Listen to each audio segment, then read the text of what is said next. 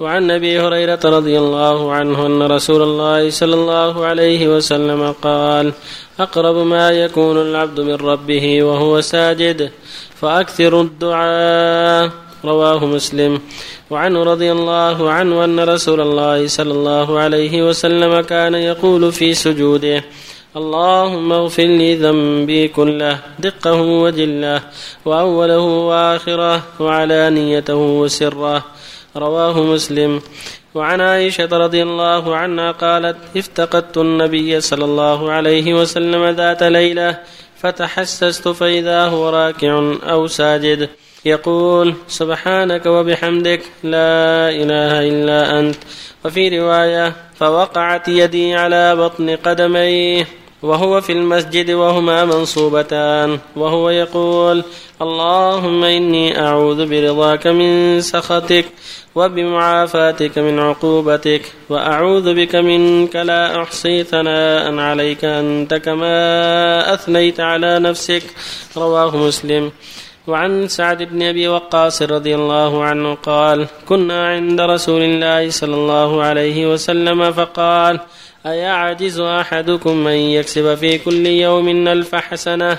فسأله سائل من جلسائه كيف يكسب ألف حسنة؟ قال يسبح مئة تسبيحة فيكتب له ألف حسنة أو يحط عنه ألف خطيئة. رواه مسلم. بالله التوفيق. الحمد لله. وصلى الله وسلم على رسول الله وعلى آله وأصحابه. ومن اهتدى بهدى أما بعد فهذه الأحاديث في فضل الذكر والدعاء. تقدم جملة من الأحاديث في فضل الذكر والدعاء وأن ينبغي المؤمن أن تكون أوقاته معمورة بالذكر والدعاء وأعظم الذكر وأفضله قراءة القرآن فهو أفضل الذكر وأعظم الذكر. له بكل حرف حسنة والحسنة بعشر أمثالها وهكذا بقية الذكر. مثل سبحان الله والحمد لله ولا إله إلا الله والله أكبر ولا حول ولا قوة إلا بالله. سبحان الله وبحمده سبحان الله العظيم. لا إله إلا الله وحده لا شريك له له الملك وله الحمد وهو على كل شيء قدير. ينبغي للمؤمن أن يكثر من الذكر وأن يعمر أوقاته بالذكر. تقول عائشة رضي الله عنها كان النبي صلى الله عليه وسلم يذكر الله على كل أحيانه يعني في جميع أحيانه. ومن الذكر والدعاء الوارد في الأحاديث الصحيحة قول صلى الله عليه وسلم أقرب ما يكون العبد من ربه هو ساجد فأكثر الدعاء. أقرب ما يكون العبد من ربه وهو ساجد فأكثر الدعاء. يدعو على ينبغي الإلحاح في الدعاء والإكثار منه في السجود لأنه وقت خضوع وذل وانكسار لله هو أقرب ما يكون العبد من ربه في هذه الحالة حالة الذل والخضوع والانكسار.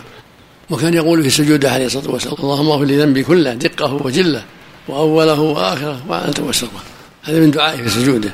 اللهم اغفر لي ذنبي كله دقه وجله وأوله وآخره وعانيته وسره وتقول عائشة رضي الله عنها أنها فقدته ذات ليلة فوجدته في المسجد يصلي ليلا ويقول في سجوده اللهم إني أعوذ برضاك من سخطك وبمعافاتك من عقوبتك وأعوذ بك منك لا أحصي ثناء عليك أنت كما أثنيت على نفسك هذا من التعوذات الشرعية العظيمة.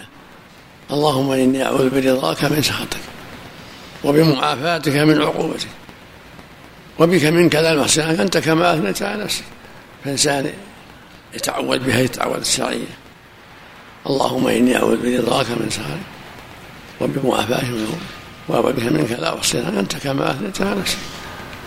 سبحان الله وبحمده سبحان الله العظيم سبحان الله والحمد لله ولا إله إلا الله والله أكبر ولا حول إلا بالله. يقول صلى الله عليه وسلم أحب كلام الله أربع سبحان الله والحمد لله ولا إله إلا الله والله أكبر. ويقول صلى الله عليه وسلم الباقيات الصالحات سبحان الله والحمد لله ولا إله إلا الله والله أكبر ولا حول ولا قوة إلا بالله. ويقول صلى الله عليه وسلم أيحب أحدكم أن يحصل على ألف حسنة؟ قالوا نعم يا رسول يقول يقول سبحان الله مئة مرة يحصل له ألف حسنة. الحسنة بعشر أمثالها فإذا قال سبحان الله والحمد لله ولا إله إلا الله أكبر حصل له آلاف. إذا كررها مئة أو أكثر. وليس لها حد محدود. يكرر ما شاء. كل ما كرر زاد الأجر. ويستحب له يقول مئة مرة. صباح ومساء. سبحان الله وبحمده. مئة مرة. أو سبحان الله العظيم وبحمده. مئة مرة. أو سبحان الله وبحمده. سبحان الله العظيم. سبحان الله والحمد لله ولا إله إلا الله والله أكبر. ولا حول ولا قوة إلا بالله. وهكذا ذكر لا إله إلا الله يكرر مئة مرة. يقول صلى الله عليه وسلم من قال لا إله إلا الله وحده لا شريك له له ملكه وله الحمد وهو على كل شيء في يوم مئة مرة كانت له عدل عشريقة وكتب الله له مئة حسنة ومحى عنه مئة سيئة وكان في حرز من الشيطان يومه ذلك حتى يمسي.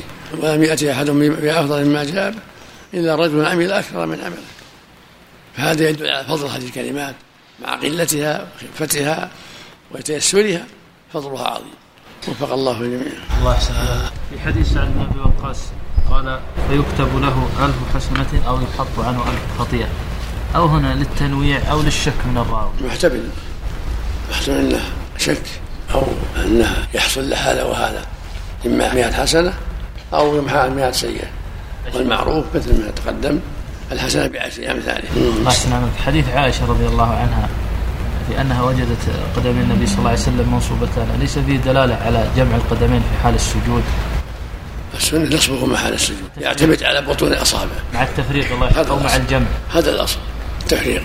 لأن الرسول صلى الله عليه وسلم كان يفرق بين ركبتيه وقدميه ويديه عليه الصلاة والسلام في سجوده وفي ركوعه. اللهم صل عليه وسلم أما رواية أنه قد أحدى عقيبة على الآخر فيها نظر من رواية ابن خزيمة والحاكم. والأصل في هذا كله عدم الضم الأصل بسط الأعضاء.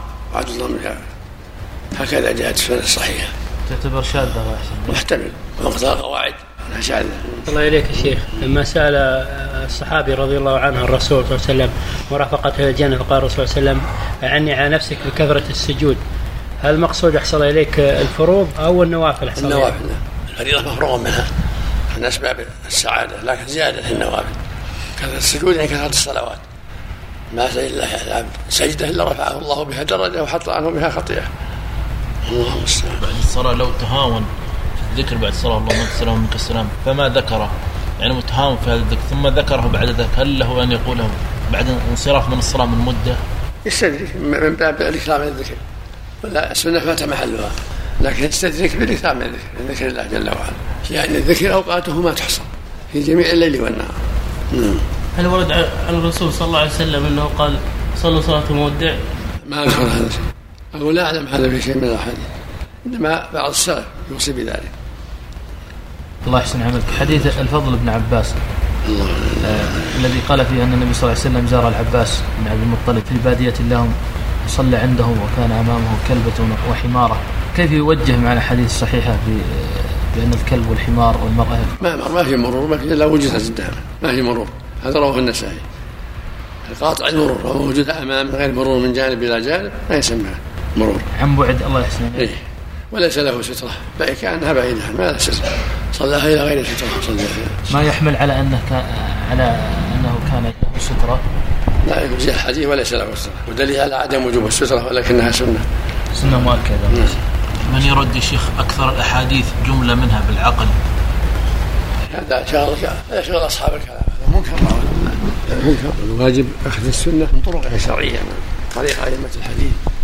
والنظر في الأسانيد أما العقول جعلها هي الحاكمة هذا عمل باطل هذا عمل معتزلة والجهمية وأشباههم سبحان الله. ما هو ضعيف حديث الفضل؟ لا في الأسانيد جيدة.